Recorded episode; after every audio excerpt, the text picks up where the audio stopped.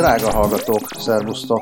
Ez itt a 20 perccel a jövőbe B7. Én Lövenberg Balázs vagyok, itt van velem szemben az éterben Dávid. Hello! És továbbra velünk szemben, vagy nem szemben, hanem mellettünk vannak, képzeljétek el, vendégek, mert hogy ugye azt mondtuk, hogy ha már B7, akkor picit legyen ez más, ne csak az legyen, hogy azért B7, mert nincs itt Scully, hanem azért is B7, mert próbálunk feldolgozni olyan témákat, amik időnként előjönnek a műsorban kicsit, egy-egy hír erejéig, vagy egy-egy rovat erejéig, de sosem megyünk bele mélyebben. Volt egy-két tematikus adásunk korábban, de most majd rendszeresebben lesz, és arra gondoltunk, hogy miért ne lenne az első tematikus adásunk a blockchain. Igen, mert rengeteget beszéltünk róla, és akkor rengetegszer megbizonyosodtunk róla, hogy egyáltalán nem tudjuk, hogy miről beszélünk, úgyhogy úgy gondoltuk, hogy szakértőkhöz fordulunk segítségért. Kik ezek a szakértők, akik itt várják, hogy megszólalhassanak? Vendégeink Kis György László és Grépály Botond, mindketten a Kis Konzált munkatársai.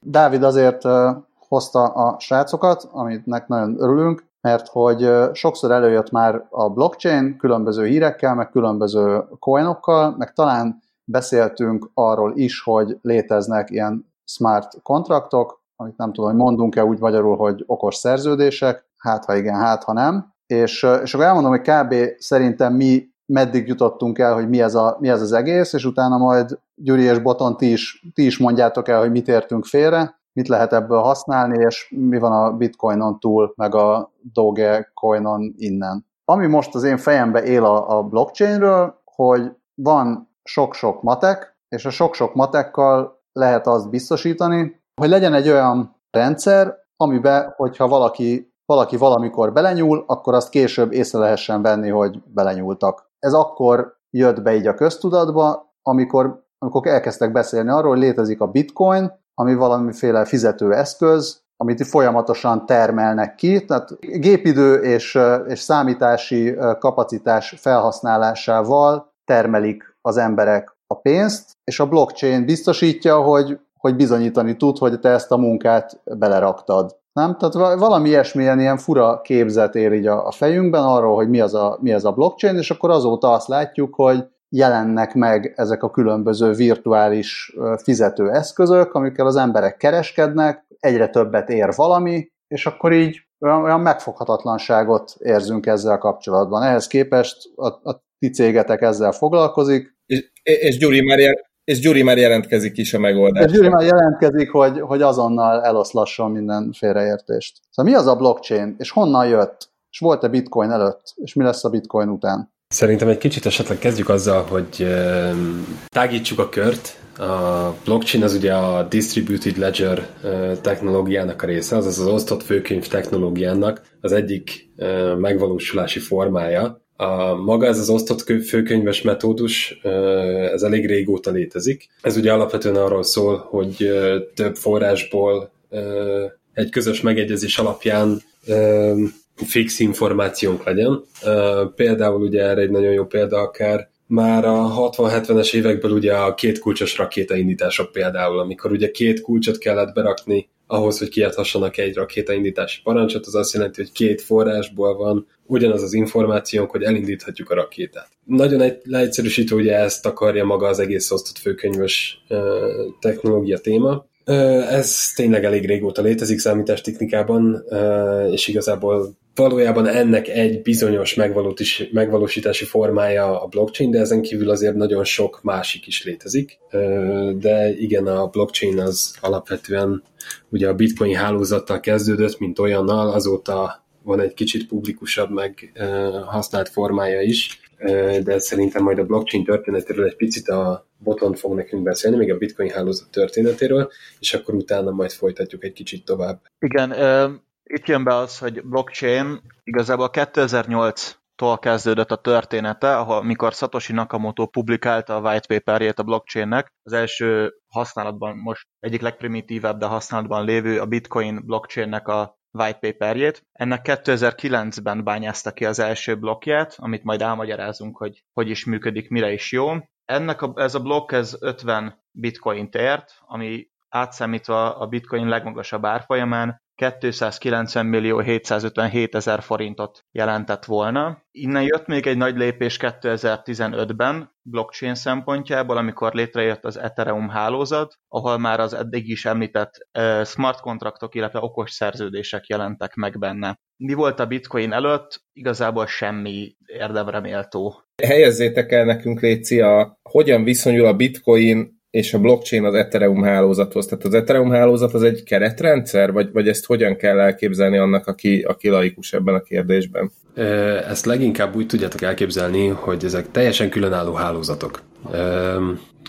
Szóval ezek te zárt hálózatok, ami azt jelenti, hogy ha például valami az Ethereum hálózaton belül, mint olyanon belül létezik, az csak és kizárólag az Ethereum hálózaton belül létezik, ugyanez érvényes az összes blockchain hálózatra, például a Bitcoin hálózatra is, vagy a Stellarra, vagy a Neura, vagy a Monero-ra, mindegyik ugye egy külön teljesen saját önálló hálózat. Ez egy kicsit ö, olyan ez, mint hogyha játszanánk számítógépes játékokat, és akkor ott gyűjtöm a játékpénzt, és a, a másik ember meg a másik játékba játszik, és ott gyűjti a játékpénzt. Például, igen. Ehhez még azt hozzá kell tenni, hogy mivel a Bitcoin volt az első, ezért az összes többi hálózat, ami utána jött, a Bitcoin hálózatnak a hibáit próbálta mindenképpen kiavítani. Ezért nevezzük általában a legprimitívebb hálózatnak a bitcoint, mert ami nagyon fontos része egy ilyen hálózatnak, hogy nem lehet megváltoztatni jó pár dolgot, miután létrejött egy hálózat. Amikor például ugye bitcoin hálózaton történik tranzakció, azaz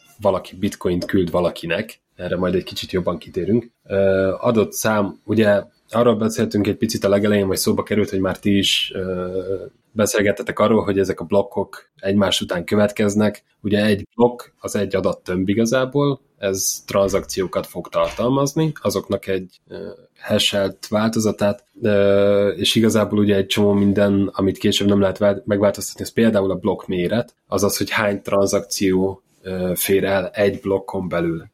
És ez például a bitcoin hálózatnak egy lassúságát okoz, hogy kevés tranzakciót tudnak egyszerre számolni. Na, bocs, mielőtt nagyon belemerülnénk a blokkolásba, még, még nekem az a, az a kezdeti információ hiányzik a képből, illetve nem csak nekem, hanem, hanem annak, aki most leült az adást meghallgatni, hogy Boton mondtad, hogy 2009-ben bányázták ki az első 50 bitcoint érő blokkot, a, a, azt segítsetek egy kicsit megérteni nekünk, hogy mit jelent a bányászás, tehát hogy, hogy az, hogy, hogy mit, persze azt, hogy számításokat végzek a gépemmel, de ez kinek jó és mire jó, és a, az így létrejövő bitcoinra hogy, hogy lett azt mondva, hogy már pedig akkor ez 50 bitcoin ér, ami ennyi valódi pénz. Illetve bármi másra, tehát gondolom az összes többi coin is, tehát az is úgy áll elő, hogy emberek végeznek, vagy hát emberek végeztetnek számításokat, hogy ez, ezek mik, és,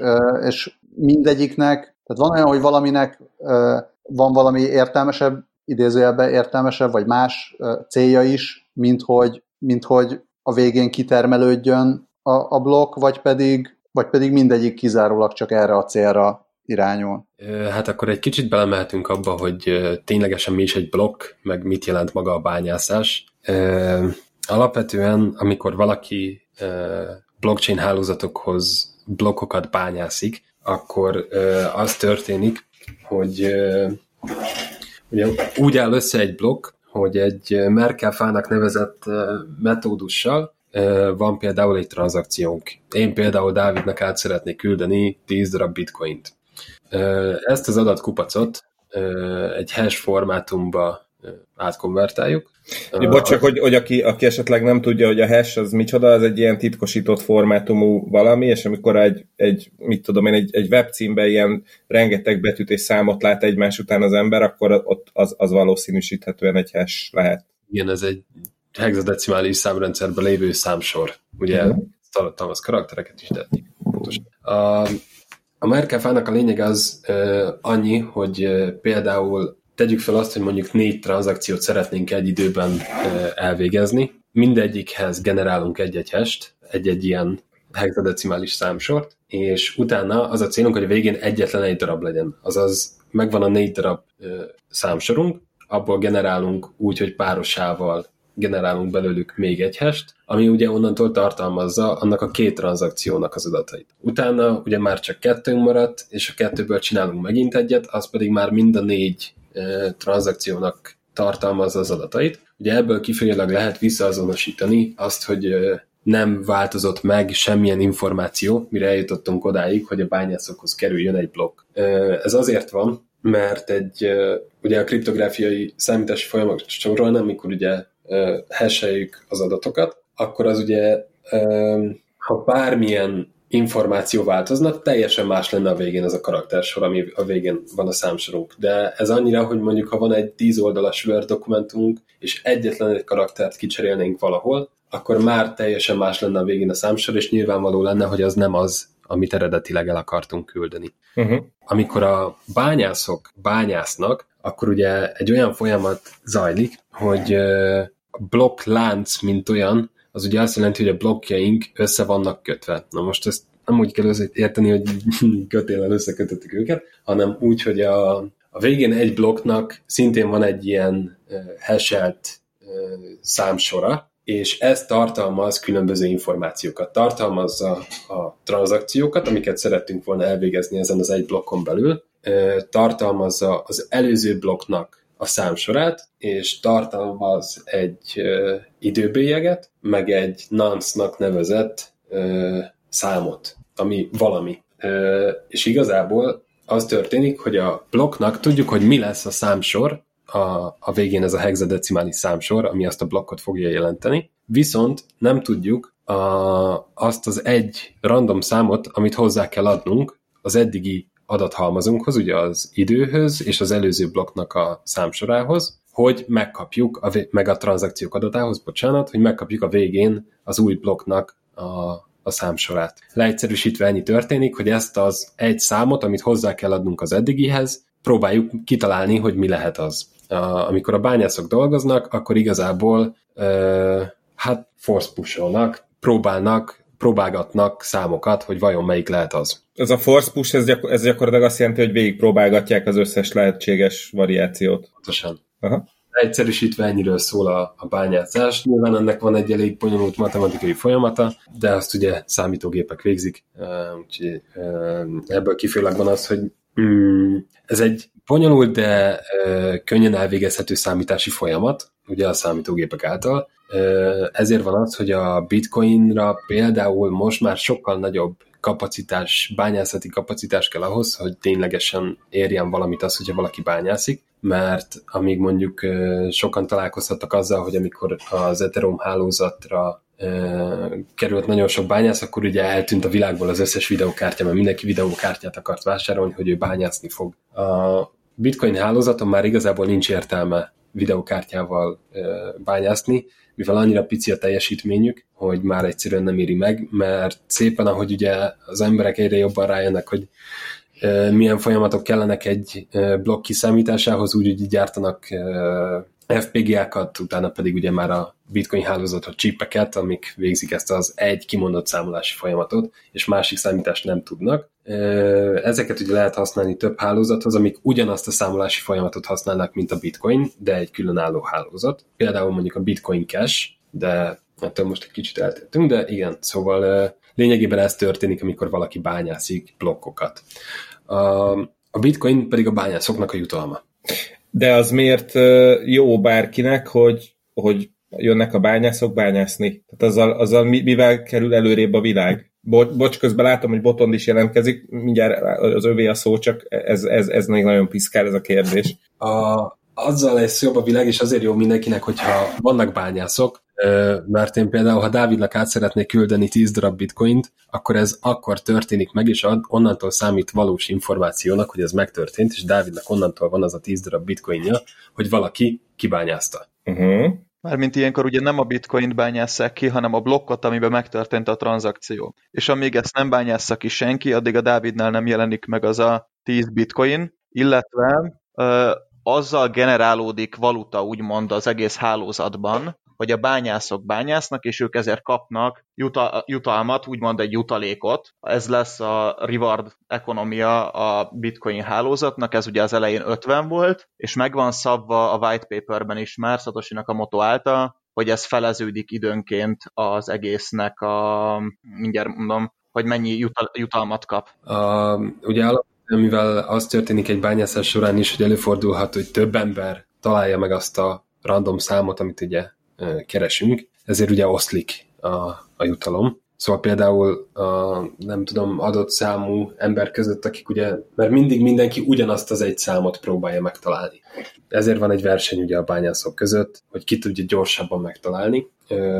Mert egészen addig ugye nem beszélünk következő blokkról, amíg nincs még egy a láncban, addig nem csinálhatom meg a második következőt a láncban, amíg az előtte lévő nincs ott, mert addig ugye nincs semmi, ami alapján dolgozzak.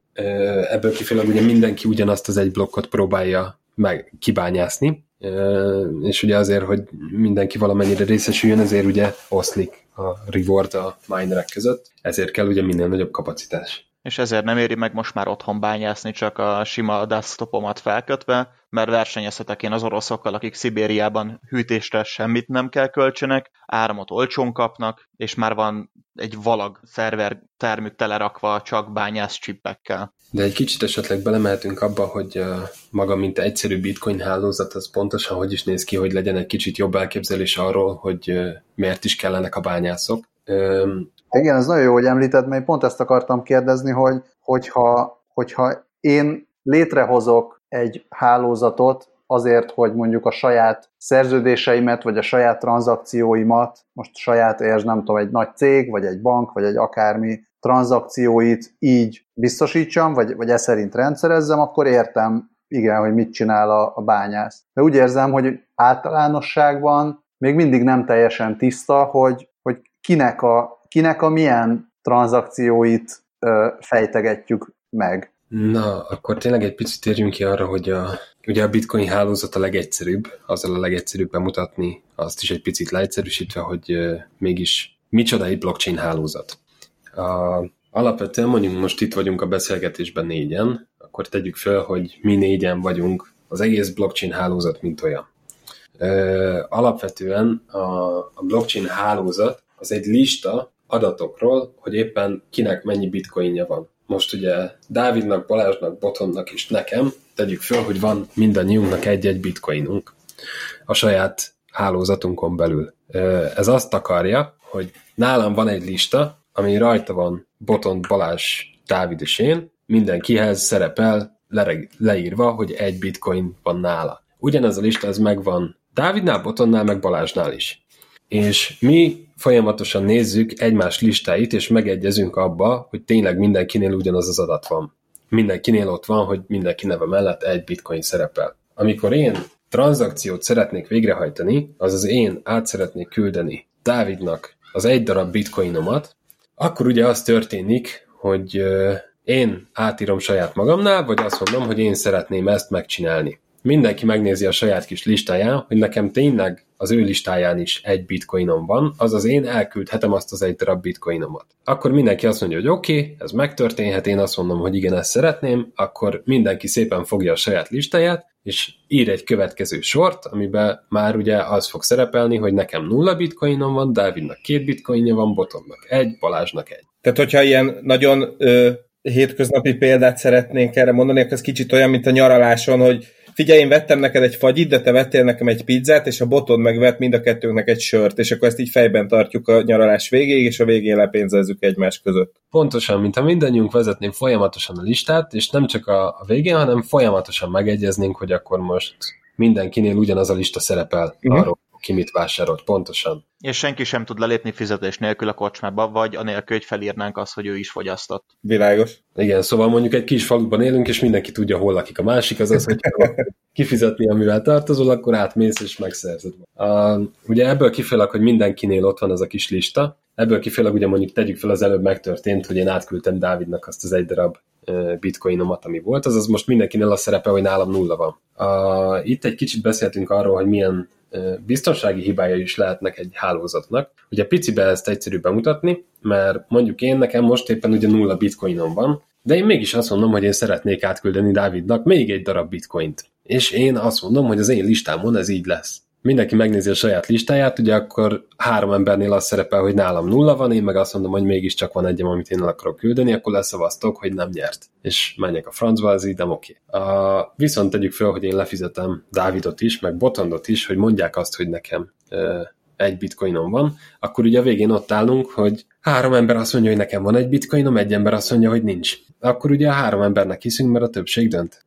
Ez ugye piciben érzékelhető, hogy ha két embert le tudsz fizetni, akkor oké a, a szitu, de ugye miután mondjuk egy blockchain meg egy Ethereum hálózat, ebből kifolyólag annál biztonságosabb, minél többen vannak, akik ugye vezetik a teljes listát arról, hogy kinek milyen összegű Etherje, bitcoinja, stb. van az adott hálózaton belül, és ugye amikor valaki nagyon-nagyon nagy fölénybe kerül, ezt nevezzük az 51%-os hibának, hogyha valaki megszerzi az 51%-át teljes hálózati kapacitásnak, akkor ő ugye egy oldalon tudná befolyásolni az adatokat. Igen, tehát ugye nem, nem is csak az van, hogy itt neked userekhez lenne hozzáférésed, hanem hogyha a gépek, nem? Tehát hogyha a a te kezedben van, te kezedben van mondjuk 6 gép közül, vagy 7 gép közül 4, ami ebben részt vesz, akkor, akkor le tudod nyomni a többieket. Igen.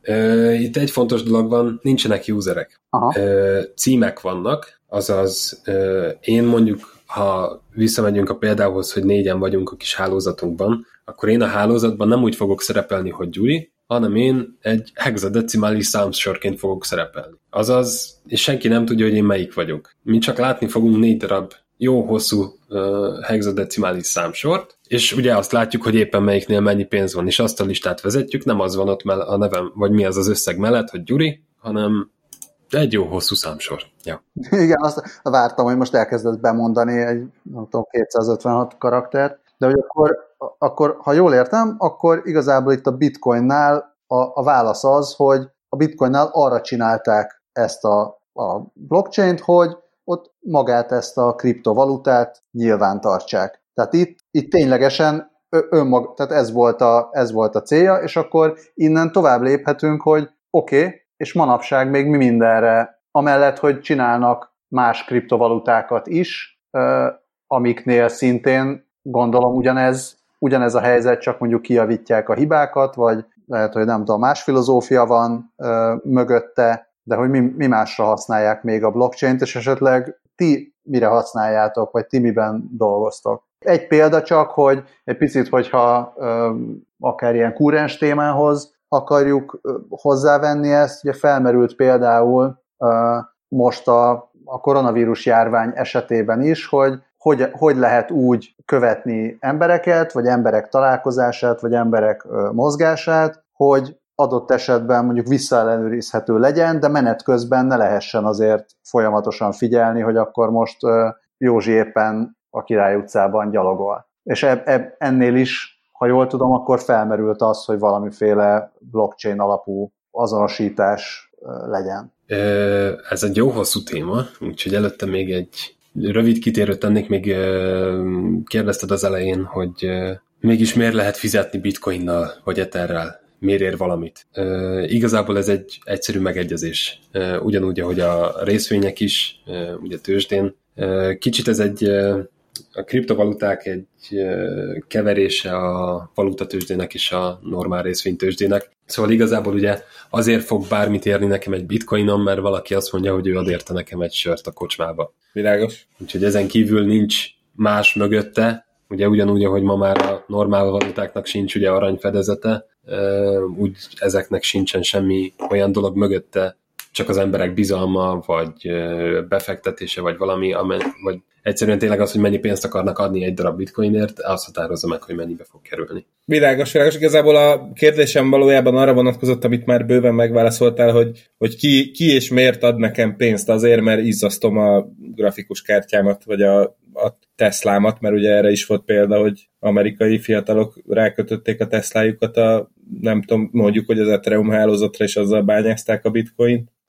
Szerintem itt a következőnél még annyi, hogy a bitcoin hálózat az részben amúgy a 2008-as világválságra volt válasz Aha. Satoshi Nakamoto-tól, És utána a koronavírusos kérdésre, mi tegnap beszélgettünk róla azért kicsit hosszabban, pont amiatt, mert tudtuk, hogy kérdésetek lesz, és mi, nekünk a válaszunk főleg az volt, amit a Gyuri mondott, hogy nem is igazából a contact tracingben látjuk benne a elképzelést, hanem abban, hogy mindenkinél listázva lehessen, hogy igenis, én megkaptam a vakcinát, most nem feltétlenül koronavírus, mert éppen még nincs, de egy akármilyen vírusnál, hogy akkor tudja az ember, hogy 99 ezer emberrel, akivel bent ül és néz egy foci meccset, lássa ő, hogy mindenki megkapta a vakcinát, és csak olyan emberek jöttek be, akik megkapták a vakcinát.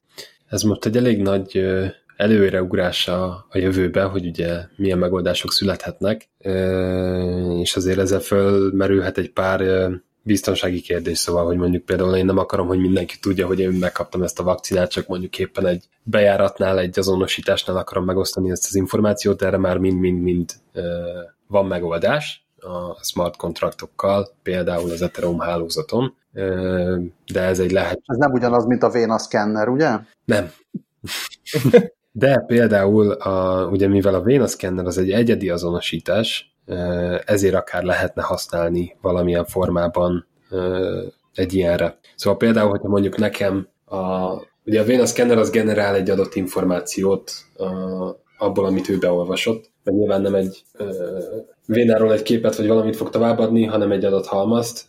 Ugye, hogyha én ebből az adat halmazból generálok esetleg egy kulcsot, ami azonosítani fog engem, és azzal lehet hozzáférni a, az én adataimhoz, akkor például ez egy megoldás lehet arra, hogy a Vena Scanner legyen használva valamilyen blockchain alkalmazáson keresztül. És a blockchain például arra megoldást tudna adni? Ugye arról beszéltünk, hogy a biometrikus azonosítás az nagyon szép és nagyon jó, de ha mondjuk a jelszavamat ellopják, akkor meg tudom változtatni a jelszót, jelszót, de hogyha az új lenyomatomat vagy a retinám adatait ellopják, akkor azt elég nehéz utána megváltoztatni, és, és nem, nem tudok utána mit kezdeni ezzel a, ezzel a helyzettel. Tehát nem tudom lecserélni a biometrikus adataimat. A blockchain erre tud megoldást adni, vagy van, van ahol használnak ilyesmit? Hát ez igazából egy külső alkalmazásnak nevezném leginkább, mert ugye alapvetően itt olyan adatot próbálunk közvetíteni egy zárt hálózat felé, ami azon amúgy nem létezik. Szóval például ugye egy blockchain hálózat, ami egy például az Ethereum hálózat, az egy egy darab virtuális gép, amit ugye, amiben ugye a résztvevő gépek együtt adják az erőforrást, az ugye nem fog tudni az én fizikai adataimról, azaz nekem azt valahogy a hálózatra be kell juttatnom, és ugye innentől ugye elég sokrétű, hogy hogy akarom én használni azt az információt, például egy biometrikus azonosításnak a, az adatkupacát. Ez nagyon a jövőben mutató kérdés még, hogy erre milyen megoldások lehetnek. Hogy ne szaladjunk annyira az a, a jövőben, én még, én még pont a smart kontraktokról magáról, magukról szerettem volna kérdezni, még ilyen mindenféle további felhasználás előtt, hogy igen, tehát hogy, hogy ezt megbeszéltük, hogy akkor a bitcoin hogyan, meg hogy lesz belőle pénz, meg hasonlók, de, de ez a smart contract dolog, ez hogy néz ki? Tehát, hogy eleve maga a, a megnevezés, hogy ez, ez, ez valamiféle kizárólag jogi dolgokat ö, takar, vagy, vagy, vagy ez egyfajta autentikációs eljárásnak felel meg igazából? Hát, kicsit egyik se. Nagyon jó. A smart contract igazából csak egy megnevezése, fogadjuk el, így hívják. A smart contract az például ugye az Ethereum hálózat volt az első olyan hálózat, ami képes smart kontraktokat kezelni. Bocs, bocs, bocs, tehát hogy ak- akkor még annyi, annyi kérdést ha dobjak be, hogy akkor ez inkább a smart contract egyfajta ilyen digitális aláíráshoz hasonlítható? Inkább egy egyszerű program. Akkor inkább, ne, akkor inkább nem mondok semmit, és hagyom, hogy elmagyarázzátok. Mindjárt egy picit belemegyünk. A, Ugye alapvetően annyi történik, hogy az Ethereum hálózat az egy darab virtuális gép, ebből kifőleg ugye gépi kódot tud futtatni. Egy smart contract a, az mindig azt mondja meg, hogy tranzakciók esetén mi fog történni. Ez ugye azért fontos, mert ebből kifőleg kell például egy usernek fizetnie azért, hogy valamit csináljon a blockchain hálózaton. Mm.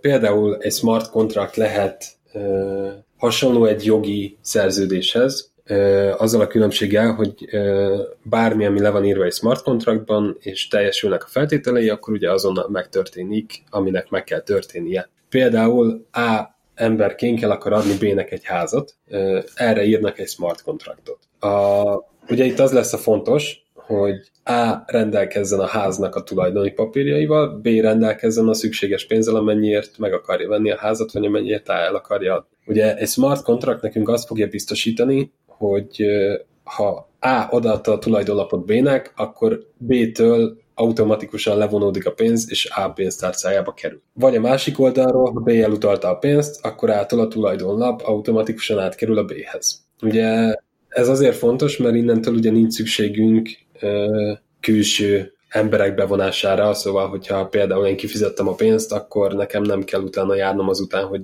á, nem adta nekem oda a tulajdonlapot, és akkor most kié a ház. Ez ugye azért tud így létrejönni, mert hogyha én elküldenem a pénzt, de mondjuk állnál nincsen tulajdonlap a házhoz, akkor nem megy el a pénz, hanem az nálam marad. És akkor meghiúsult az egész vásárlás. Itt igazából a smart contract egy ügyvédi letétet helyettesít ebben a példában. Jó, jó, hogy már kezd értetővé válni a dolog. És az egésznek mi köze a blockchainhez? A blockchainhez annyi a köze, hogy egy smart contract ugye ebből kifilag egy kód lesz igazából, ami ugye lefut, de még mondjuk, ha megnézzünk egy normális szoftvert, normális környezetben mondjuk egy weblapot vagy valamit, az mind-mind egy adott környezetben fut, és képes magától lefutatni különböző funkciókat. Szóval mondjuk tudja nekem folyamatosan az időt, és akkor, hogyha eltelik egy hét, akkor frissít egy weboldal. Tegyük föl. Vagy mondjuk kiküld automatikusan egy hírlevelet. A, az Ethereum hálózaton ez viszont úgy működik, hogy ahhoz, hogy bármilyen kód vagy funkció lefusson, ahhoz egy tranzakciónak kell végbe mennie, mert az a tranzakció fogja tárolni az állapot változásokat. Ebből kifejezőleg ugye semmi nem történik egy smart kontrakttal, amíg valaki nem dolgozik vele, vagy nem próbál vele interaktusba lépni. Szóval így nem, nem nyúl hozzá, akkor azzal az, amúgy nem történik semmi, csak úgy van. Alapvetően a, ugye amikor én megpróbálok meghívni egy ilyen funkciót, akkor mivel ez egy tranzakció lesz, azt ugye valakinek ki kell bányásznia, és ennek lesz egy költsége.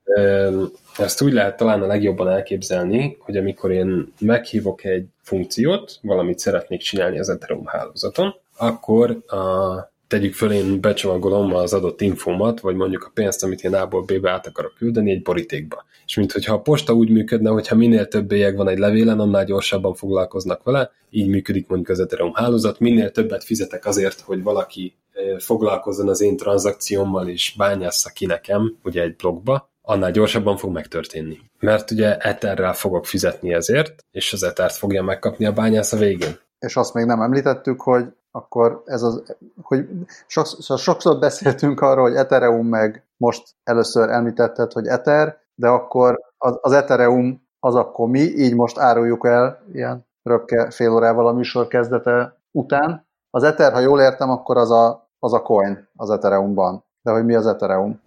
Az Ethereum az egy hálózat, az egy blockchain hálózat. Ugyanolyan hálózat, mint mondjuk a bitcoin hálózat, mint olyan. A annyi, hogy a bitcoin hálózatnak ezt a natív fizetőeszközét, vagy tokenjét, ezt ugye bitcoinnak hívják ugyanúgy, ahogy a hálózatot, az Ethereumnál viszont a natív fizetőeszköz, az viszont az Ether nevű token, vagy coin. Úgyhogy ez a szófordulat közti kapcsolat igazából. Úgyhogy itt talán egy picit bele is mehetünk abba, hogy még felmerült egy ilyen kérdés is, hogy a coinok között mi a különbség esetleg.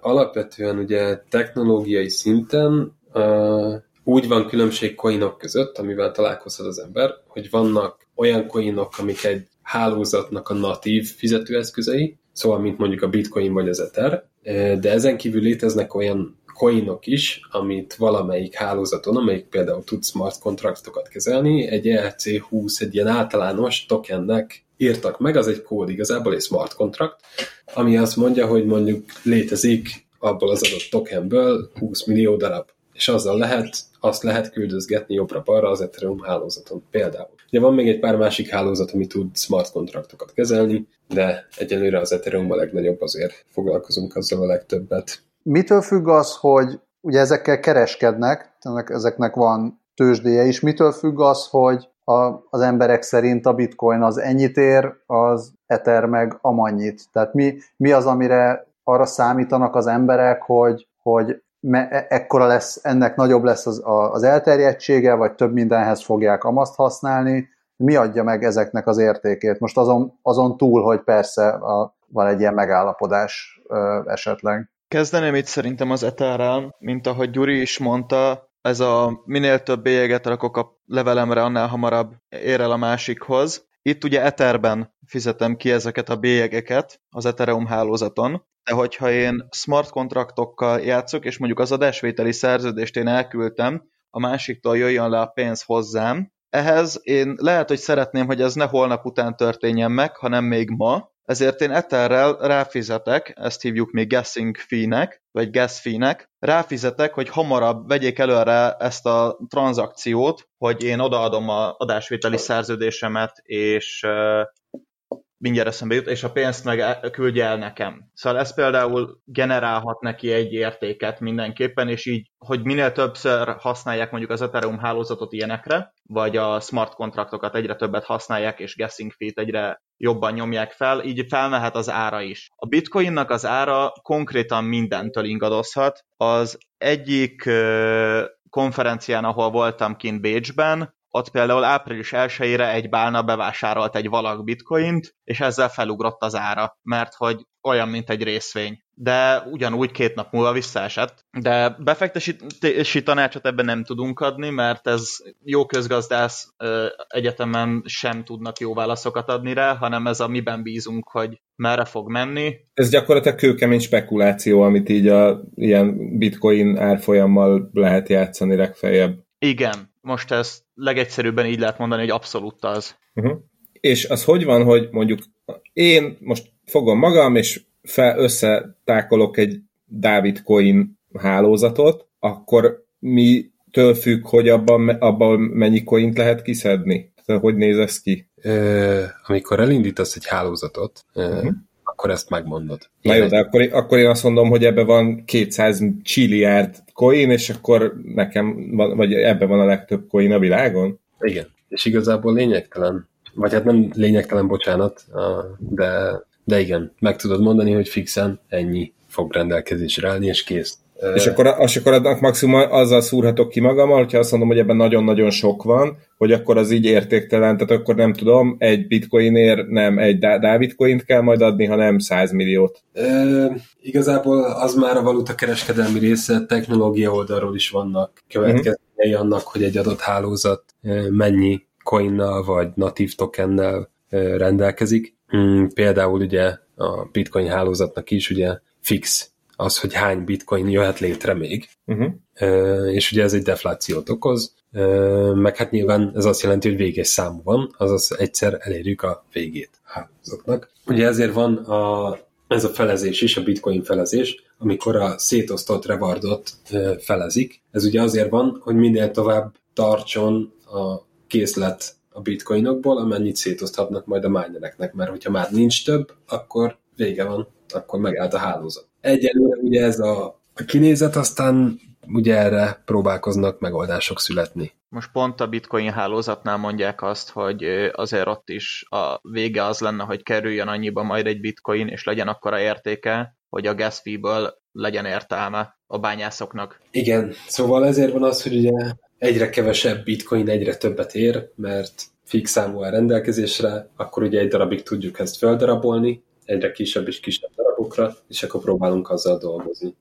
És akkor egyszer csak majd az lesz, hogy majd olvassuk az újságban, hogy és akkor ma a mai napon szomorúan bezárt a bitcoin hálózat, mert elfogyott belőle a coin? Illetve, bocsi, még, még annyi, hogy oké, okay, de hogyha tehát a bitcointól függetlenül is bizonyos tranzakciók ellenőrzésére, meg bányászásra lesz igény, tehát igazából a, a bitcoinon túl is, meg minden egy, tehát igazából minden coinon túl is kellene, hogy legyen élet, és akkor szépen visszafolytunk abba a kérdésbe is, hogy, hogy mi mindenre lehet igazából cointól függetlenül használni a blockchain-t. Nagyon sok mindenre nagyon jó a blockchain, és nagyon sok mindenre nem is jó. uh, például ugye...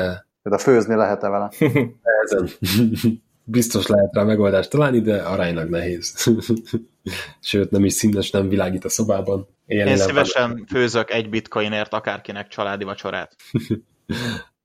uh, Ja, hát arra a kérdésre, hogy egyszer majd azt olvassuk a hírekben, hogy bezárt a bitcoin, ez egy nagyon jó kérdés, meglátjuk, hogy mit fog hozni a jövő. Erre most így nem tudnék spekulálni. Uh, vagy találnak megoldást, hogy hogy tudnak tovább haladni, vagy nem. Ez ki fog derülni. Uh, ugye az egész coinos dolgokon kívül, ugye maga a blockchain technológia, mint olyan, az nagyon-nagyon-nagyon sok mindenre használható, és nagyon-nagyon pici része ez az egész tőzsdei kereskedés, úgyhogy belefolyhatunk ebbe is egy picit nem is ártana, mert tényleg aránylag kicsi része a tőzsdei kereskedés, vagy egyre kisebb része, mert egyre többen próbálják magát a technológiát alkalmazni. Például azért már ma is vannak élőben használt megoldások, mondjuk supply chain-ekre, ellátólánc annak az igazolására. Például egy, az egyik legelső között volt a tonhalaknak a származása és annak a végigkövetése. Ez ugye azért volt egy nagy projekt, mert ugye nagyon sok illegális halász van, aki tonhalakat halászik és próbál utána eladni. És tegyük fel, én vagyok egy európai étterem, Japánból rendeltem tonhalat, vagy a világ másik feléről, mindegy. Nem fogom tudni, hogy én kitől rendeltem azt a tonhalat végül is. Mert ugye én csak egy beszállítót fogok látni, aki egy másik beszállítót lát, aki egy harmadik beszállítót lát, és akkor a végén az egésznek ott ül egy halászhajóban az úriember, aki kifogta a halat, de én nem tudom, hogy ki az. És ennek, de ez viszont egy elég fontos dolog lenne, mert ugye nagyon nagy százaléka a tonhalhalászatnak volt illegális, és ebből kifőleg ugye azért ez problémákat okoz akár az egyetszámban, meg elég sok dologban. Ebből kifőleg csináltak egy alkalmazást, amivel végig lehet követni egészen a halásztól, az összes beszállítón keresztül, hogy hol járt az az adott tonhal, amit én éppen földarabolok az éttermemben. És gyakorlatilag tonhalt racing. Pontosan. Az már, az már megvalósult. Igen. A Nescafé csinálta erre például kávébab ö, eredetre.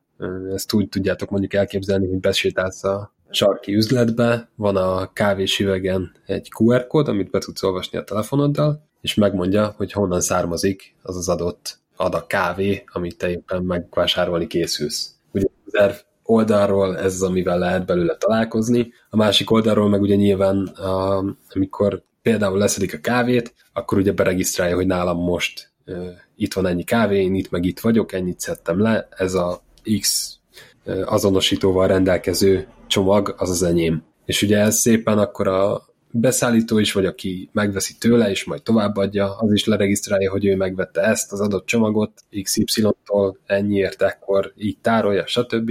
És ezt végig lehet követni az egész láncát, hogy hogy kerül az üzletbe az az adott kávé. Illetve itt meg bejönnek az olyanok, hogy a, olyan termékek, mint mondjuk tej, vagy akár visszatérve a tonhalhoz, aminek nem mindegy, hogy hogyan szállítjuk, akár csak a hőmérséklete, vagy hogyan volt raktározva, ezeket szépen végig lehet vezetni, és blockchainen verifiálja minden ö, szállító, amikor átveszi valaki, hogy ez igenis úgy volt szállítva, ha ezt megkapja rá a pecsétet, hogy ez úgy volt szállítva, akkor mehet tovább a tonhal. De ha valaki nem kapja meg a pecsétet attól, aki megvette tőle úgymond a továbbszállítás jogát, akkor az nekem a végén, hogyha mondjuk ez eljutunk odáig, hogy egy üzletben én leemelek egy tonhalat, ugyanúgy beolvasom a QR kódját, akkor kapok rajta majd egy nagy piros X-et, és akkor azt mondom, hogy én ezt nem fogom megvenni, mert valahol mondjuk nem volt jó a hűtés, vagy nem volt jó a szállítás, vagy akár a feldolgozás. És ezek jellemzően mit, mit használnak, vagy milyen hálózaton vannak? Tehát itt lehet az, hogy én egyszer csak bevezetem a magam blockchain hálózatát, tehát adott például a a tonhalasok, és akkor van egy tonhal chainem, amire csak az én amit csak az én halkereskedésem használ, vagy van erre valamiféle általános élelmiszeripari blockchain hálózat, vagy mindenki etereumozik, hogy szokott ez működni. Tehát adott esetben például ti, ti ezt csináljátok? Tehát, hogyha én azt mondom, hogy nem tudom, szeretnék a podcast tranzakciókra egy ilyen ellenőrző valamit, hogy mindenki lássa, hogy én nem tudom, veletek interjúztam, és nem mással, akkor kifejlesztetek nekem egy saját kis hálózatot, és akkor ott valaki bányázgatja majd, vagy hogy működik ez? Erre sok megoldás van. ugye itt kerül képbe a privát és publikus hálózatok fogalma. ugye például az Ethereum hálózat az egy publikus hálózat, bárki becsatlakozhat. De vannak privát hálózatok is. Legtöbbször az ilyen ellátási láncoknak a hálózatai azok zárt hálózatok. Ez ugye azért fontos, hogy én, mint kis Jóska mucsa röccségéről ne tudjak bejelentkezni egy adott hálózatba, hanem mindenki, aki szerepel benne, az általam igazolva legyen, hogy az tényleg az az ember. Mm, szóval például a halász legyen benne az adott hálózatban, a kamionos, a beszállító cég, a hűtőház, de más ne legyen benne. Mert másnak nem kell, hogy benne legyen, és nekem tudnom kell, hogy ki az, aki benne van, mert bennük bízom meg. Róluk tudom, hogy ők pontosan kicsodák. Világos. Úgyhogy ebből kifőleg ugye például én megtehetem azt, hogyha én akarok egy ellátási láncot indítani, ami az én sajátom lesz, mint mondjuk például a Walmartnak is van ö, megoldása erre, akkor ö, én bárkitől, aki beszállító nálam, én mondhatom azt, hogy ő akkor vehet részt ebben a az ellátási láncban, hogyha ő nekem például az egészségügyi, meg élelmiszerügyi nyilván, vagy mi az ilyen szabályzásoknak a betartását tudja igazolni például. Szóval mondjuk nem fognak nekem 40 fokba tejet szállítani három héten keresztül a sivatagon át, mert az nem olyan nagyon hasznos hűtés nélkül. A privát hálózatban nem lehet belenyúlni? Tehát, hogyha mondjuk a, a Walmart azt mondja, hogy hú, rajtunk maradt azért mégiscsak ez a 5 millió hektó tej, akkor nem tudnak a saját hálózatukba belenyúlni, hogy mégiscsak meghamisítsák a, a főkönyvet? Ö, nagyon nehéz. Ez azért nagyon nehéz, mert ugye az elején beszéltünk arról, hogy hogy csatlakoznak egymáshoz a blokkok, ugye, hogy minden blokk tárolja az előző blokknak az információját. És ugye arról is beszéltünk egy picit, hogyha egy információ morzsát megváltoztatok, akkor ugye a hash, ami azonosítja nekem az adott információ kupacot, az teljes mértékben megváltozik. Szóval ez azt jelenti, hogyha tegyük föl, van nekem 100 blokkom, és én a 28-ban meg akarok változni egy információt, az azt jelenti, hogy a 28. blokknak a hash az teljesen meg fog változni. Onnantól ugye a 29. blokkom, ami tárolta azt az információt, az már nem, nem valid, mert nem ugyanaz az információ van az előző blokkban. És ugye onnantól ez az adott kupac, amit ő tárol, az megváltozott, azaz neki is megváltozna a hash és ez így tovább az összes azután következő információra. Szóval Tehát ugye... magyarul minél hátrább vagy egy láncban, annál nehezebben fejted vissza. Igen. De az azt jelenti, hogy akik az elején vannak a láncban, azok még viszonylag kis macerával tudják módosítani, nem? Akkor lehet változtatni még, igen. Uh, például ugye így működik egy, uh, egy fork is egy, egy leágazás a hálózatoknál. Például ugye ilyen volt a, az első nagy hackelés, hívjuk így az Ethereum hálózaton, amikor ugye elloptak egy valagetert. Ott ugye az történt, hogy egy, hát egy smart contract hibáját használták ki, hogy volt benne egy támadási felület, és az adott illető el tudott lopni egy csomó pénzt ezzel. Akkor az Ethereum alapítvány azt mondta, hogy ők nem akarják eldönteni, hogy ezt a pénzt az illető megtartsa, ne tartsa meg. Ezt ugye úgy tudták egyáltalán, vagy ez, ez úgy kerül szóba, hogy azt lehet megcsinálni, hogy fogják az összes blokkot, amiben már az szerepelt, hogy nála ott van az a rengeteg eter, és azt kikukázzák, és előtte levágják a blokkot, ahol ez még nem szerepelt, és onnantól kezdve folytatják, kiavítva az adott hibát. Itt mondta azt az Ethereum hálózat, hogy ő ezt nem akarja eldönteni, hanem csináltak egy olyan leágazást, amiben nem szerepelt az adott illetőnek a sok heterje, és eldönthette mindenki, hogy ő melyik ágon szeretné folytatni a bányászást, meg a részvételt. És ugye így maradt életben mind a kettő a végén, mert mind a kettőnek maradt elég felhasználója ahhoz, hogy életben maradjon a hálózat, és ugye ez a különbség az Ethereum Classic és az Ethereum hálózat között. Mm. Egyébként a, ez, hogy, hogy, hogy ezzel a, hogy Etherre lehet gyorsítani a, a tranzakciókat, a, ugyanakkor meg, hogy közben nyílt a hálózat, tehát bárki beléphet, akkor ezzel viszont a később belépők tök nagy hátrányba kerülnek. Nem most én, én csatlakoznék, akkor nekem nincs egy darab eterem se, és akkor ott állok, miközben ott van egy csomó ember, aki izé, szibériai szerverfarmokon szétbányázta már magát, és akkor én sose kerülök sorra, vagy, vagy, vagy hogy van ez? Ö, nem tudsz tranzakciót létrehozni, ha nincs etered. Szóval valahogy vásárolnod kell valakitől tranzakciót úgy létrehozni, mert ki kell fizetned a tranzakciónak a díját. Ugye úgy, hogy mondjuk egy banki tranzakciónak is lehet díjat, csak ez sokkal minimálisabb, sokkal gyorsabb, de meg kell rendelkezned valamennyi pénzzel ahhoz, hogy bármit tud csinálni a hálózaton. Ezt valakitől meg kell venned. Világos, világos. És az, hogy ugye hogy minden blokk tartalmaz az előtte lévő összes információt, ez nem jár azzal, hogy bizonyos blokk mennyiség után ez egy ilyen kezelhetetlen méretű információ halmazzá változik? Vagy, vagy, vagy ez nem jelenik meg ebben, mert a hash... Nem tárolja összes előtte lévő információt, csak az előtte lévő egy darab blokknak a hash Úgyhogy ebből kifolyólag ugye nagyjából ugyanakkorák lesznek a blokk. Az változik, hogy mennyi tranzakció van éppen mondjuk egybe, de alapvetően az előtte lévő blokknak tárolja az információját, de igen, minél hosszabb egy blokklánc, annál nagyobb helyet foglal. Szóval most például ugye léteznek különböző ö, nódok, ugye résztvevő számítógépek a hálózaton. Vannak a könnyűek, vannak a normálok, meg vannak az ilyen archív nódok. Ö, ezek különböző adatokat tárolnak. Mondjuk egy light node, ez a könnyű node, ez csak egy aránylag kis mennyiségű adatot tárol, nem tudom, egy 50 gigából nagyjából már meg lehet oldani ezt, hogy meg legyen ez az adatkupacod. A, a normál node az ugye azok, az a tranzakciókat fogja tárolni, az egy, most az Ethereum hálózatnál az egy olyan 300 giga nagyjából, ahol éppen tartunk. Ez ugye rengeteg, mert ugye ezek nagyon pici adatok. Ahhoz, mert ugye egy-egy szám sort elraktározni, az nem, meg ugye annak a visszafejtése, stb. Azért ez nem olyan nagyon nagy adatkupac egy blokk önmagába, de összességében azért már elég sok.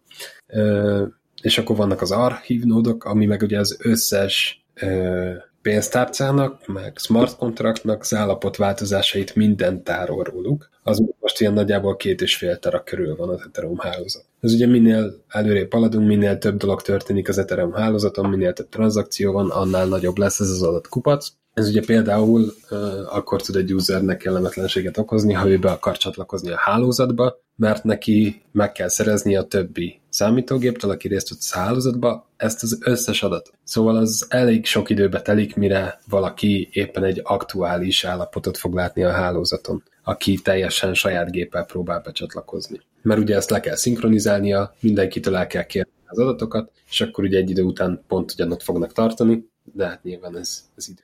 És mi van akkor, hogyha például ebből a hálózatból akiktől be kell gyűjteni az összes géptől az összes adatot, az egyik gépet kihúzzák, nincs többet. Hát ez ugye most éppen nem sok problémát okoz mondjuk az Ethereum hálózaton, mert rengeteg gép dolgozik egyszerre. nyilván, ha most négyünk között lenne egy hálózat, amiben csak mi négyen veszünk részt, akkor ugye az elég feltűnő lenne, és elég problémás, hogyha azt az egy gépet kiveszünk, mert onnantól ugye csak hárman vagyunk. De, ja, de így ebben van annyi ilyen redundáns másolat, vagy, vagy Mindegy másolat a listáról. Minden egyes számítógép, amelyik részt vesz, minden egyes nód, aki részt vesz, az egy teljes, vagy az adott szintjének megfelelő másolat az egész hálózatról. Az jogos, az azt értem, de hogy akkor, akkor miért kell minden géptől begyűjteni az adatokat, ha mindenkinek megvan minden adat? Bocsánat, rosszul fogalmaztam meg, nem minden géptől kell begyűjteni, de ugye nyilván Aha. több forrásból. Ja, világos, világos. Az adatot, hogy ugye mindenképp biztos legyen benne. Úgy látjátok-e, hogy látjátok a blockchain jövőjét? Mennyire fog ez elterjedni szerintetek, vagy, vagy miért, miért igen, miért nem? Tehát mi, miért tudhat elterjedni sokkal jobban? Az lesz-e, hogy öt év múlva már senki nem megy ügyvédhez, mert mindenki csak okos szerződik az Ethereum hálózaton, vagy vannak azért még megoldandó problémák ebben? Erre egyik kedvenc projektünk, illetve törekvésünk Gyurival, amiről ő majd beszél is egy konferencián, ez a blockchain és a játékiparnak a keveredése. Nem tudom, játszottatok a World of warcraft valaha, de látni, jelenleg, látni. jelenleg ugye a Blizzard a tulajdonosan minden adatodnak, ha te játszol vele. Ha blockchain alapon kezelnénk a játékot, akkor igenis az összes felszerelés, a karakter, a karaktered neve, az összes képességed a te tulajdonod lenne, és kereskedhetnél vele. Uh-huh. Ez szerintem nagyon meg tudná változtatni a játékipart.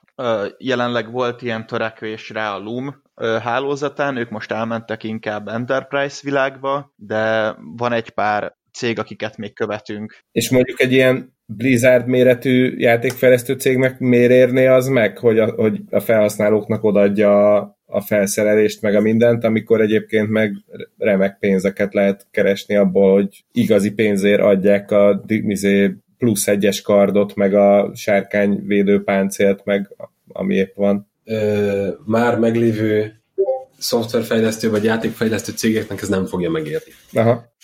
Új cégeknek, ö, aki éppen újonnan indul, vagy egy új játékot hoz ki, annak megérheti.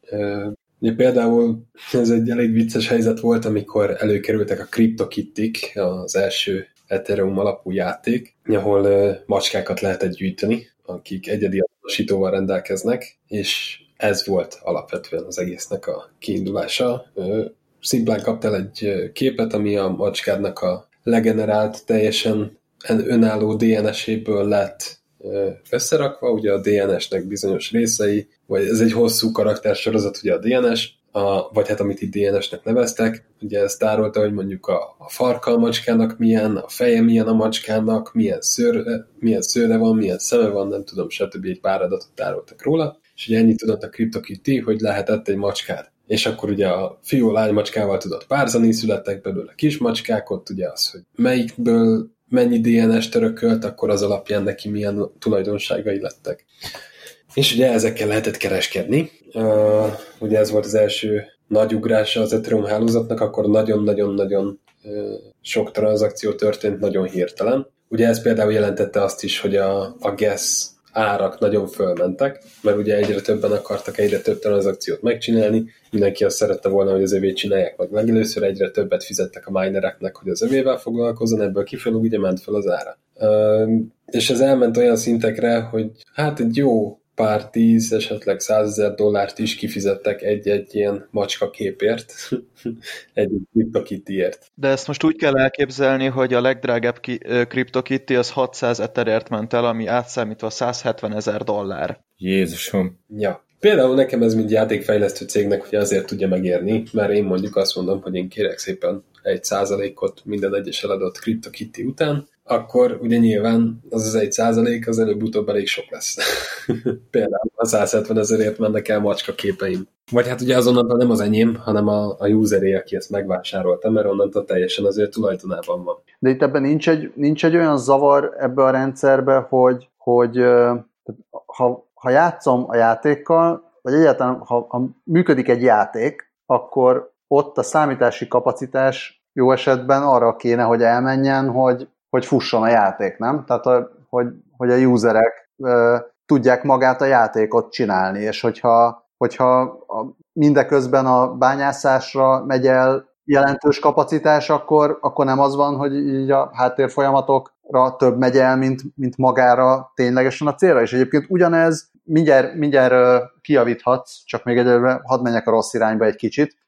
szóval, hogyha ugyanez, ugyanez mondjuk a okos szerződéseknél, vagy bármi egyébnél, hogyha, hogyha a, hogyha a háttér biztosítására, vagy a, a, a bányászatra több energia megy el, mint magára a fő célra, akkor, akkor ez mennyire, mennyire jó rendszer. Vagy soha nem lesz ilyen, mert csak a bitcoin esetében van az, hogy, hogy egyre, egyre inkább nem tudom, a közepes harmadik világbeli ország teljes kapacitását használják el arra, hogy előre haladjanak akkor menjünk visszafelé. Az első kérdésre előbb-utóbb mindegyik hálózatnál előlépesz, hogy egyre fejlettebb dolgokat tudják ugye számolni, egyre nagyobb kapacitás kell. De akkor itt van egy kis félreértés, mert nekem ahhoz, hogy én csináljak valamit a hálózaton, nekem nem kell bányásznom.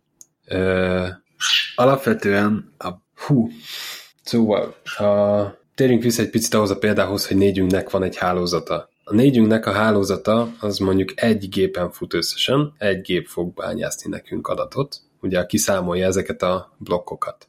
Én, mint aki valamit akarok csinálni a hálózaton, nekem csak ugye ahhoz a géphez kell egy hozzáférés, hogy én tudjak valamit csinálni, hogy én beírhassak egy új adatot, hogy én A-ból B-be átküldtem X összeget. Szóval nekem például, hogyha én játszani szeretnék egy játékkal, aminek blockchain kapcsolata is van valamilyen szinten, nekem attól még egyáltalán nem kell bányásznom. E, ezt én értem, csak azt, azt mondom, hogyha, tehát ugye ahhoz, hogy, ahhoz, hogy nem tudom, a villany működjön, tehát én nem arra gondolok, hogy nekem egyszerre kell biztosítanom a, a számítási kapacitást a játék futtatására és a, és a bányászatra, hanem hogy a világban elmegy energia dolgokra, és hogyha az energia nagy része az nem magára a dologra megy el, hanem arra, hogy, hogy validálja ezeket a tranzakciókat, akkor lehet, hogy, hogy nem túl hatékony az a rendszer. És az a, az a kérdésem, hogy ez szükségszerűen előáll-e minden, minden ilyen hálózatban, hogy a, a, teljes rendszert nézve sokkal több ö,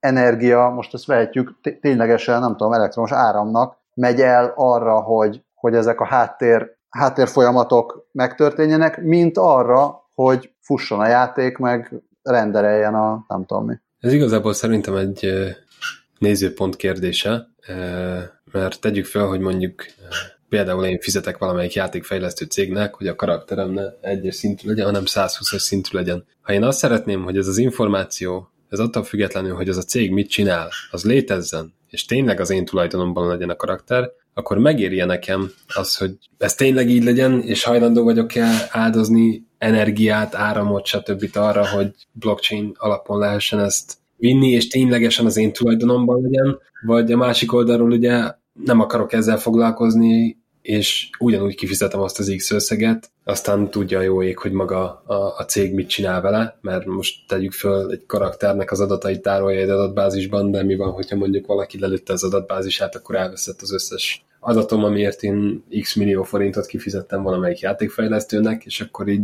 szívhatom a fogamat, hogy ennyi volt. Ugye a másik oldalról, ha blockchain alapon van, akkor viszont ez nekem nem probléma, mert ugyanúgy az én tulajdonomban van minden adat. Nekem még egy olyan kérdés jutott eszembe, ami ettől ezen már teljesen túlmutat, és inkább a, az ilyen jövőbeni felhasználási lehetőségeket feszegeti. Most novemberben az Egyesült Államokban elnökválasztás lesz, és, és már most megy a, a rettegés, hogy jaj, jaj, mi lesz, hogyha addigra megjön a koronavírus második járványa, bár mondjuk ahogy az amerikaiak állnak, lehet, hogy még az első is ott lesz addigra, de a lényeg az, hogy felvetődött, hogy, hogy hát levélben kéne szavazni, ez többek között az Egyesült Államok jelenlegi elnökének nem nyerte el a tetszését, és mert azt mondta, hogy a levélben a szavazásnál rengeteg a csalás, zárójel, amire semmiféle bizonyíték nincs, zárójel bezárva, de, de ezzel kapcsolatban kérdezem tőletek, hogy például a blockchain technológiát azt lehetne használni egy ilyen biztonságos, transzparens és megbízhatóan törés álló elektronikus szavazási rendszerhez is? Igen, erről beszélgettünk mi is sokat nemrég. Van egy város, ahol már ezt részben bevezették, Manó javítsák ki, de úgy emlékszem, hogy Cug városában létezik egy ilyen blockchain-es city kártya, ami azt bizonyítja, hogy én abban a városban élek. Mi úgy tudjuk elképzelni ezeket a szavazásokat, hogy amúgy teljesen működhetne online, a blockchain-en keresztül, mert a blockchain ugye ugyanúgy, ahogy Manó mondta, a mi saját hálózatunkat meg tudjuk nézni, hogy van-e egy bitcoinunk, meg tudja nézni mindenki, hogy nekem van-e egy bitcoinom, ugyanúgy, ugye mi nem ismerjük egymást, és nem tudjuk, hogy kihez tartozik az az egy bitcoin, csak tudjuk, hogy annak az egy címnek van egy bitcoinja, viszont ugyanígy meg lehet csinálni azt, hogy én ne tudjak csak egyszer szavazni, azzal az egylépési adresszemmel, ami ez a City kártya, ha jól mondom. Igen, abszolút. Világos. És hogy, hogy látjátok azt, hogy azért most beszélünk erről már több mint egy órája, lehet, hogy egy picivel közelebb vagyunk ahhoz, hogy megértsük, hogy mi ez és mire jó.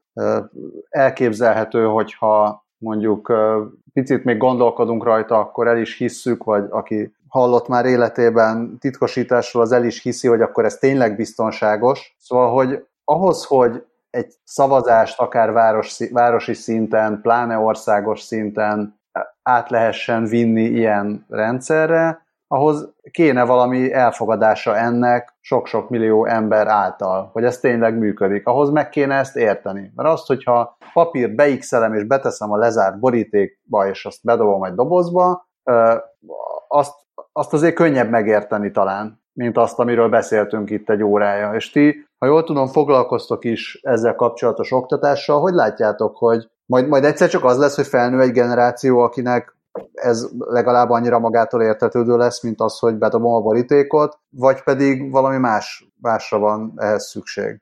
Hát itt az egyik dolog, amiről beszélgettünk, hogy jelenleg én biztos vagyok benne, hogy a nagymamám nem tudja, hogy hogyan működik az internet, de használja és bízik benne. Szerintem... Elég baj az, nem? Hogy, Igen, hogy bízik benne. De hogy idáig egyszer el kell jusson minden technológia, hogy mainstream használatra az emberek elfogadják, hogy ezt lehet használni. Igen, említetted az oktatásunkat, ezt augusztusban te, tervezzük elkezdeni offline, ha minden úgy sikerül. Erre van két dátumunk is, amit gondoltuk azért most megosztjuk, de ott a legelejétől elkezdjük a blockchain-t. Ez egy 4-5 órás oktatás, a végén két workshoppal, az egyik elmegy kicsit tech irányba, a másik felhasználó irányba. Az első alkalom az csütörtökön lesz 27 Most a tech az nem, nem a terror elhárító központ. Nem. Reméljük.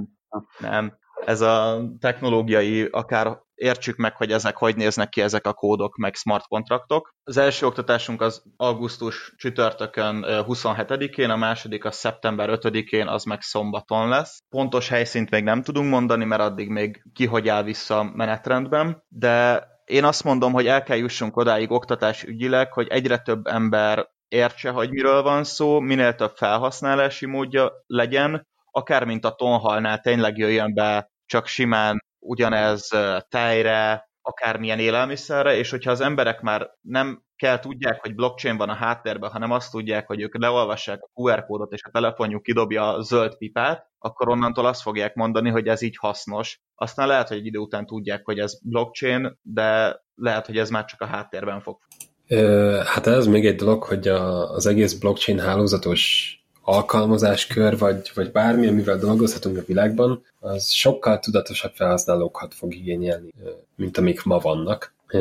Például ugye bárkinek bármilyen meggondolás nélkül bármilyen adatunkat kiadjuk magunkról, tegyük fel Facebook, Google, stb. Nem nagyon foglalkozunk ezzel a problémával, de például ugye mondjuk, ha egy szavazást akarunk átvinni a blockchain hálózatra, akkor ugye mindenkinek tudatában kell lennie, hogy ő ténylegesen döntést hoz éppen, és ténylegesen szavazni fog. Tudatában kell lennie, hogy kivel akarja megosztani ezt az információt, azt, hogy ezt hogy kell kezelni.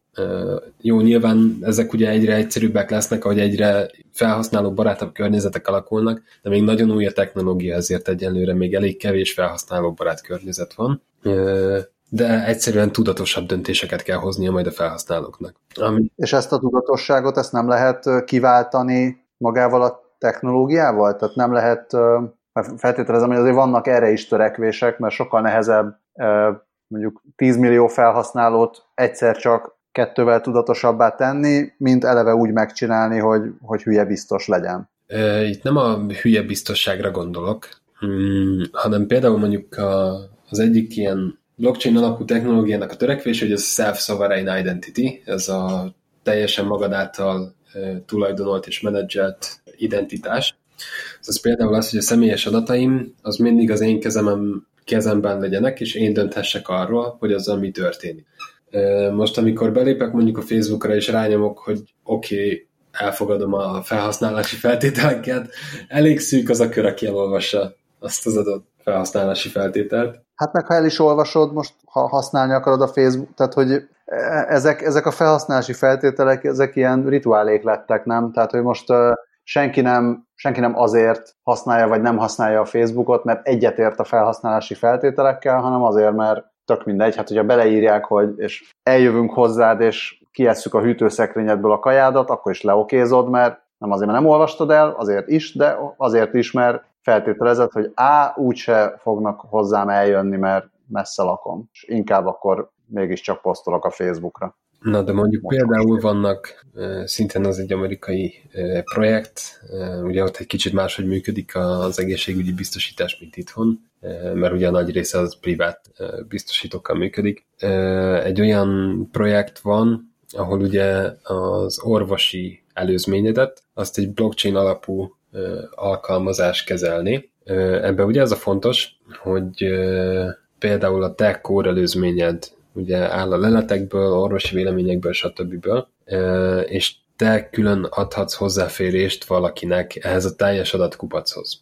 Ez ugye nagyon sok oldalról jó, viszont úgy is kell kezelni. Szóval én mondjuk tegyük föl, 40 éves nő vagyok, jelentkezek egy állásra, nem feltétlenül van köze a cégnek ahhoz, hogy nekem 20 évesen volt egy abortuszom, nem feltétlenül akarom a tudtára hozni. De mondjuk, hogyha elkerülök Japánba, összeesek az utcán, akkor jó lenne, hogyha ott az orvos hozzáférne ehhez a teljes adataimhoz, ugye, hogy milyen kórelőzményem van, azaz milyen problémák lehetnek. De itt ugye kell a usertől egy olyan hozzáállás, hogy tényleg azzal ossza meg a kórelőzményeit, akivel kell, akivel meg akarja osztani, és amire szüksége van. És ne rakjam ki a YouTube-ra az egészet. Hát akkor ez valahogy úgy tudnám ezt elképzelni, hogy, hogy picit, mint az ilyen társadalmi osztályok fognak majd ezek is alakulni, hogy lesznek azok az emberek, akik ezeket a dolgokat tudatosan használják, és akkor ők hát húzzák ennek hasznait, és lesznek, akik meg, akik meg nem, és úgy is lehet élni, mert nagyon sokáig éltek az emberek azért blockchain nélkül. Igen. ki boldogan, ki kevésbé, de, de akkor majd, tehát ahogy ez egyre inkább elterjed, úgy, úgy majd ez is húz egy ilyen választóvonalat, vagy akár ilyen különböző rétegeket a, a társadalomban, nem feltétlenül a mostani társadalmi rétegekkel párhuzamosan, ami, ami majd, majd tényleg meghatározza ezt, hogy ha az illető összeesik Japánban az utcán, akkor, akkor mi történik vele. Reméljük minden rendben lesz. Minél több ember használja az egész technológiát különböző környezetekben, annál többféle felhasználási metódus lesz, ez, ez teljesen biztos. Amivel talán lehet segíteni azt, hogy egyre tudatosabbak legyenek a felhasználók, ne csak a blockchain-es környezetben, hanem a normál webes környezetekben is, az az, az oktatás. A proféta szóljon belőled. Proféta erre, vagy proféta arra. Nagyon szépen köszönjük Gyuri és Botont, hogy hát azt mondom, hogy eljöttetek, de hogy becsatlakoztatok. Egyúttal jelzem azt, hogy most, hogyha picit más a hang, akkor azért más a hang, mert ugye ritkán vannak vendégeink, még ritkábban vannak olyan vendégeink, akikkel nem egy stúdióban vagyunk. Tehát most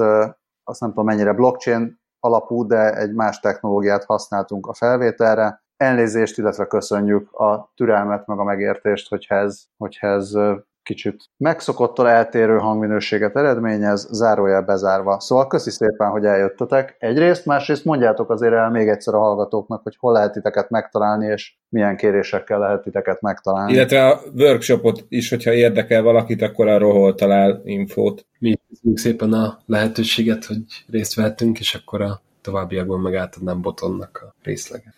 Mi is, én is köszönöm szépen. Jelenleg a kiskonzalt.com című URL-en lehet minket a legkönnyebben megtalálni, illetve az infokukac kiskonzalt.com-on, illetve LinkedIn-en akármelyikünket megkeresni, írni, nagyon szívesen válaszolunk kérdésekre. Az oktatásról már kint van egy egyszerű tematika a honlapon, meg hogy miről lesz szó, illetve a workshopok nagyrészt miről fognak szólni. Igyekezünk minél hamarabb felrakni egy hírlevél regisztrációs felületet is, és akkor már az embereket rögtön tudjuk értesíteni, hogyha készen állunk arra, hogy be lehessen jelentkezni ezekre a oktatásainkra. Ez amúgy az oktatások pont akkor indultak volna el, amikor a koronavírus elindult Magyarországon is, így azt kicsit belassítottuk, és így, így kerültünk el most. Az jegyvásárlás az szerintem nem sokára készen lesz, meg az elő, előregisztráció is a honlapunkon, ami még egyszer kiskonzál.com. Ugyanígy kiskonzáltként Facebookon, LinkedIn-en, Twitteren, kb. akárhol megtalálhatóak vagyunk. Érdekes hírek blockchainről, vagy csak érdekes posztok a honlapunkon, illetve LinkedIn-en meg Facebookon olvashatóak, amiket általában én írok. Köszi szépen, akkor hallgatók reméljük, hogy ezt meghallgattátok, megfogadtátok, legyetek ti is tudatos felhasználók mindenben, az egész életben, és amellett, hogy megnézitek, hogy blockchainileg mit tudtok tanulni, nekünk meg nyugodtan írjatok a 20perckukackasz.hu, vagy bármi kukackasz.hu címre, hogy esetleg még milyen tematikus adásaink legyenek, vagy jelentkezhettek, hogyha valamilyen technológiáról nagyon sokat tudtok, és akkor így be lehet csatlakozni adásba meg minden visszajelzést köszönettel veszünk. Szervusztok! Hello!